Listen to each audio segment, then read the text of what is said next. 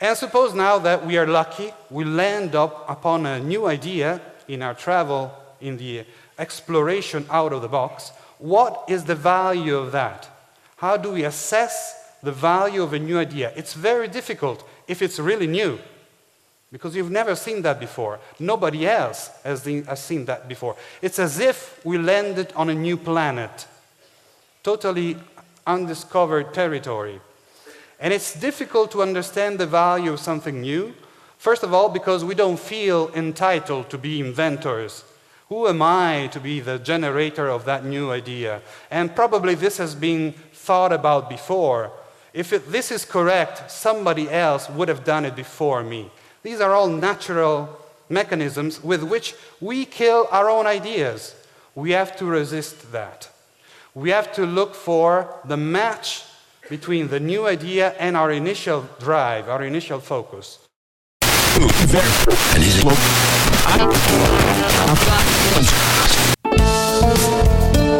كلما زادت المعرفة قلت الحاجة للكلام. أهلا وسهلا بكم في حلقة جديدة من بودكاست جنبيات. البودكاست المتخصص في المواضيع الإدارية المختلفة من مدونة جنبي دوت ام اي والآن إليكم مقدم الحلقة أنور جنبي.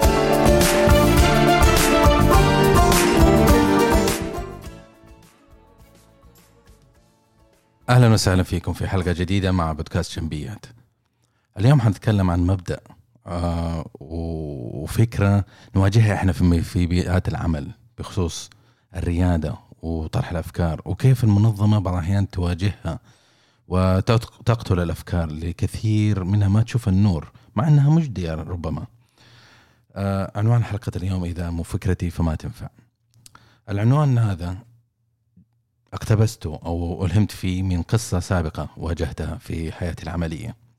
واجهت هذا صاحب القرار آه الإداري اللي كثير ما يتردد أو يجد صعوبة في تقبل أفكار اعضاء الفريق. مع إنه كثير هو يحاول يتقمص دور الرائد والمحفز للأفكار فيجي جانا هذا الإداري وطلب مننا اجتماع مطول أخذ تقريبا أربع ساعات وجلس معنا على الطاولة وقال لنا يا أعضاء الفريق وكانوا كلهم يعني آه، إداريين مستوى متوسط إلى الأعلى وقال إنه إحنا نواجه هذه المشكلة والآن نحتاج إن نخرج برا الصندوق نحتاج نسمع منكم أفكار واقتراحات كيف ممكن إنه نحل هذه الإشكالية. جدا جميل. ولكن للأسف فيها تلك الجلسة أي فكرة تم طرحها كان يجد صعوبة في تقبلها أو فهمها أو حتى معرفه كيف الطريقة الصحيحة لتناولها. كان كأنه أعضاء الفريق يتكلموا بلغة غريبة عنه. كأنهم يتكلموا مندرين ياباني أردو أي شيء ما تحس من تعبير وجهه وهو يسمع إنه كأنه هذا الشيء لا يمكن إنه يصير آه وكان يعني انطباع أعضاء الفريق إنه هذا الشخص آه ربما يحب إنه هو يكون صاحب القرار يحب يكون هو صاحب الفكرة حتى ياخذ هو آه يعني الكريدت ياخذ هو ال ال إيش يقولوا باللغة العربية؟ ضيعت أنا شوية. آه، ياخذ هو خلينا نقول كريدت الآن. ف ما كان يعرف هو كيف ياخذ الفكرة، عادة الرياديين عادة الإداريين أو القادة ياخذ فكرة من اعضاء الفريق وربما نعمل عصف ذهني ونحاول نوصل لفكرة جديدة تنفع وتتأقلم وتتماشى مع أهداف المنظمة. لكن هذا الشخص ما كان يوصل ابدا إلى أي شيء، يعني طيب ليش طلبتني أنا؟ يعني جمعت 15 مدير في مكان واحد حجزتهم لمدة ثلاث أربع ساعات وأجلت الجلسة إلى جلسة أخرى وثانية وثالثة وجعلتها منها سنة آه، وعادة بالنسبة لي ان أي فكرة أي واحد يقوم بفكرة أو بمبادرة تقتلها. يقتلها يعني ما ما فيها مجال. بحيث إنه تيجي تقول له ألف يقول لك باء هذه فكرتي وهذا هذا الطريقة اللي حنسويها من دون أخذ وعطاء. طبعا هذه القصة آه، ما قد واجهتها أنا في السابق يعني واجهتها بنسبة معينة لكن تكون عادة إيجابية لكن الطريقة السلبية في تناول مبادرات أعضاء فريق كامل ما قد واجهتها. وهذه كانت فرصة جدا جميلة بالنسبة لي بحيث إنه أتناول هذه الحالة المتمثلة في هذا الشخص صاحب القرار كيف وليش هو كان يسوي؟ طبعا التبرير الأولي كان زي ما قلنا إنه الشخص يحب ياخذ الكريدت لكن أحس إنه هذا انتقاص كبير. صعب هذا الشخص وصل إلى هذه المرحلة أو هذا المنصب وهذا المسؤولية وأؤتمن على هذا المنصب. إذا هو ما زال في المستوى الأدنى هذا من التفكير إنه هو يحب يكون هو صاحب القرار هو يحب يكون أناني بالطريقة هذه. فربما هناك سبب آخر ممكن إحنا نتعلمه. يعني هذا تفكيري في هذاك الوقت. ربما في في هذا الشخص عنده طريقة تفكير أو حالة أو علة في طريقة تفكيره بحيث إنه آه، منع هذا الشخص إنه ينجح في تقبل الأفكار الآخرين أو الخروج خارج الصندوق. فبحثت في تلك الحالة آه، بحثت في الدراسات من الجامعات على الإنترنت حاولت إنه أجد دراسة أكاديمية تجعل من هذه الحالة منطقية في تبرير منطقي نوعا ما وتعرفني كيف ممكن أتعامل مع هذه الحالة أو تعرفني كيف ممكن أتجنب إنه أنا أوقع في هذا الخطأ في المستقبل. طبعا كنت محظوظ جدا والحمد لله ووصلت إلى دراسة قامت بها البروفيسور جينيفر ميولر من جامعة بنسلفانيا الولايات المتحدة وكانت تصف الحالة بطريقة علمية وجدا واضحة ومنطقية وتتطابق مع الحالة اللي إحنا نواجهها. إيش كانت ال- ال- الدراسة تتناول؟ تتناول الدراسة إنه في حالة وجود ابتكارات وفي حالة وجود حلول آه، معينة ليش هذه الأفكار تقتل من قبل صاحب القرار؟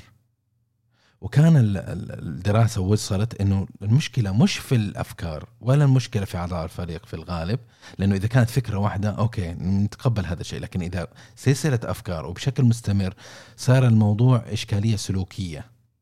فالدراسة وصلت إنه نسبة كبيرة تصل إلى 90% من الأفكار تقتل بسبب إنه صاحب القرار عنده علة والعلة هذه تكمن في إنه هو يجد صعوبة كبيرة في تقبل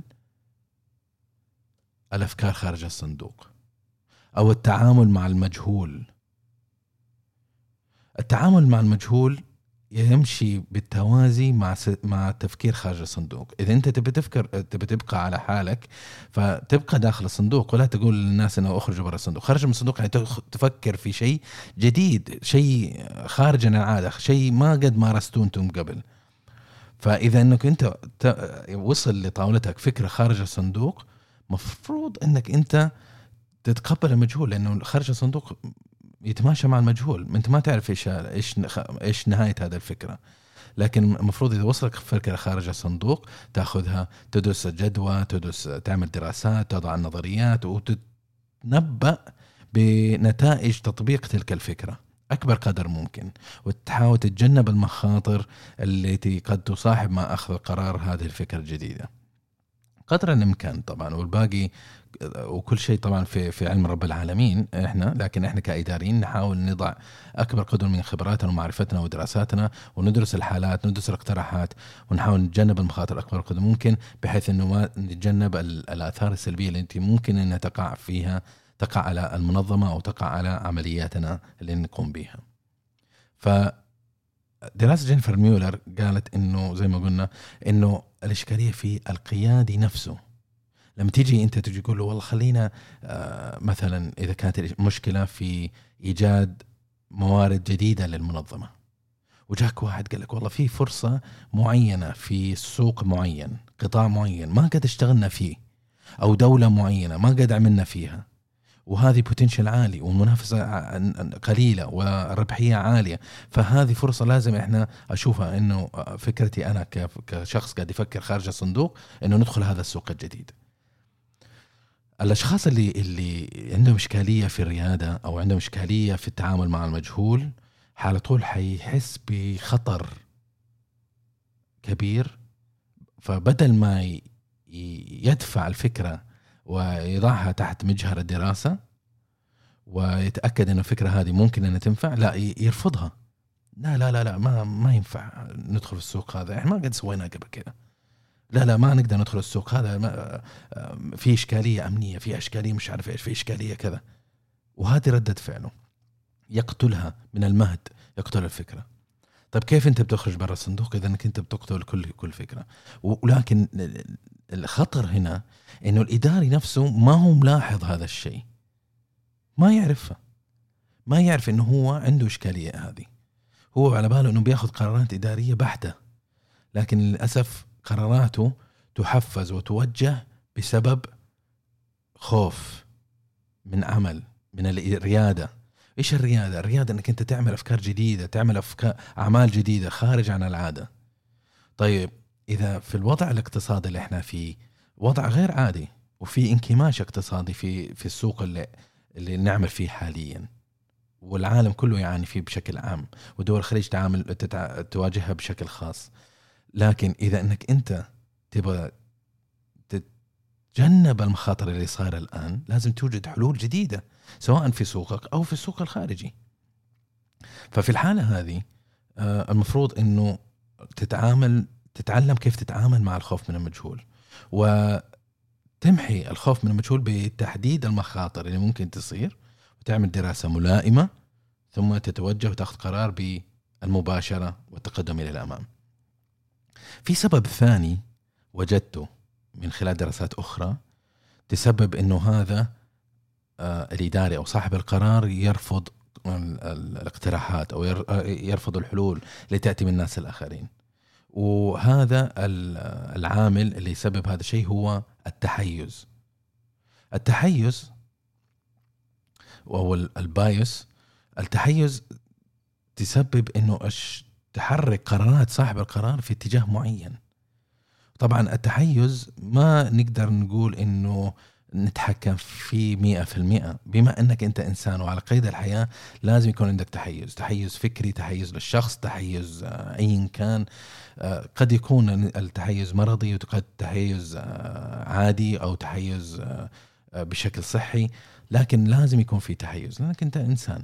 لكن الفرق بين القيادي وبين القيادي الناجح والقيادي العالي والقيادي الفاشل إنه هو يعرف إنه هناك في تحيز ويحاول يسيطر عليها أكبر قدر ممكن.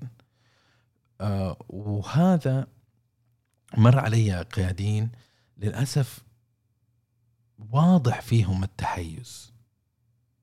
تلاقي في شخص ربما اقتراحه خطأ وواضح للجميع إنه خطأ لكن هو يتحيز لهذا الشخص مثلا. و يعني يشجع يشجع هذه الفكرة وينصرها ويدعمها بكل قوة ويتحمس على هذه الفكرة. لكن خطأ هي. وإن طبقها وكثير تطبقها ثم تفشل. نتائجها سيئة. ليش؟ اخذ القرار هذا. بينما رفض عشرات القرار الاقتراحات الأخرى آه، بدون سبب. ما في سبب ما ما في أي سبب بس إنه هو يرفض. ليش؟ لأنه في تحيز. التحيز آه كعامل ثاني لأخذ قرارات الخطأ ورفض الأفكار إنه هو يحب هذا الشخص أو عنده دافعية إنه هذا الشخص ينجح. فيدعم أفكاره ويتأكد إن أفكاره ترى النور.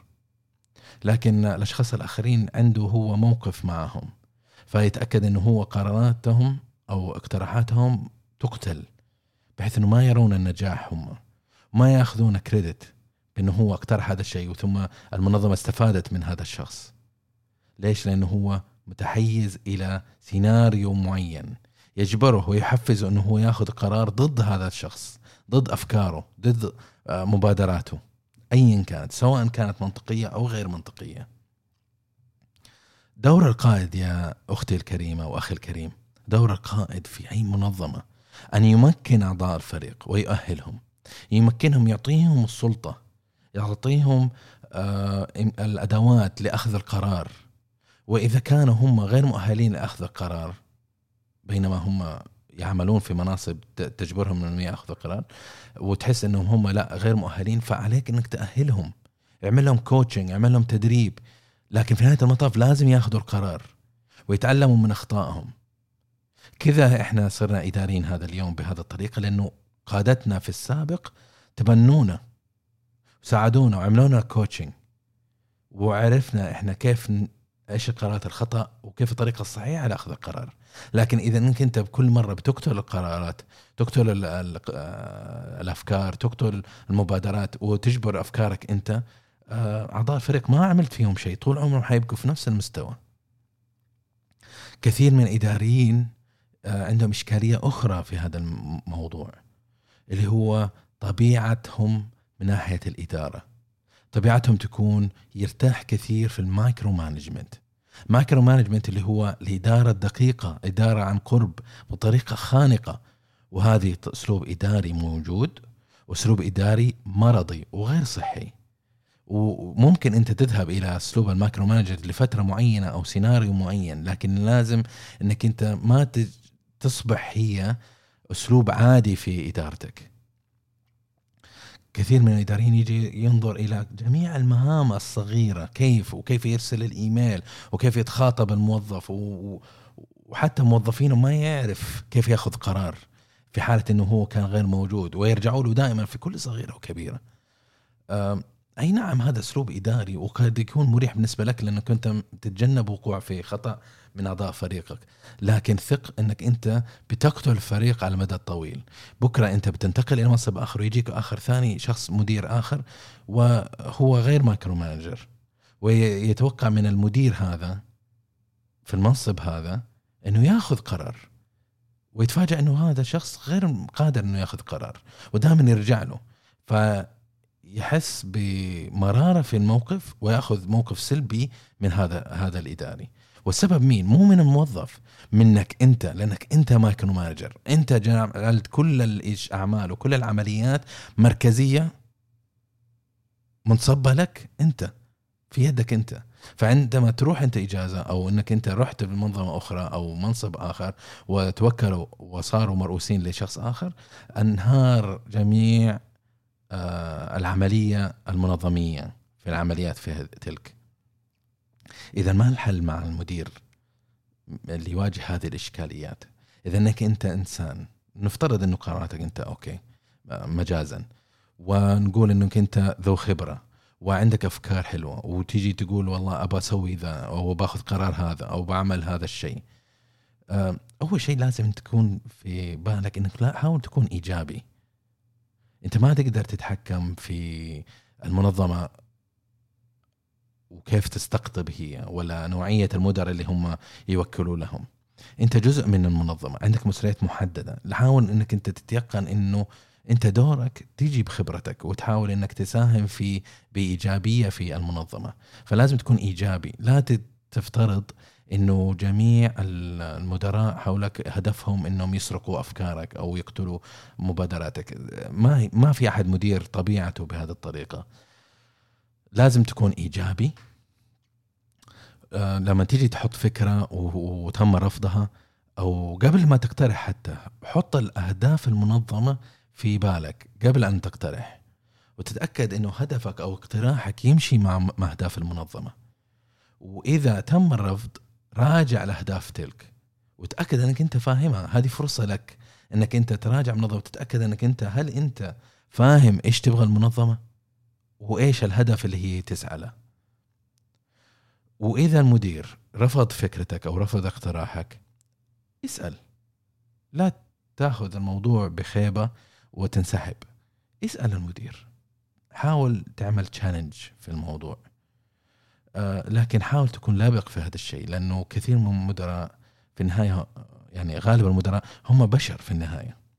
ومسألة إنه موظف يحاول يتحدى رفضه ربما يكون آه، يأخذها بطريقة سلبية. فحاول ان تكون ذكي في سؤالك.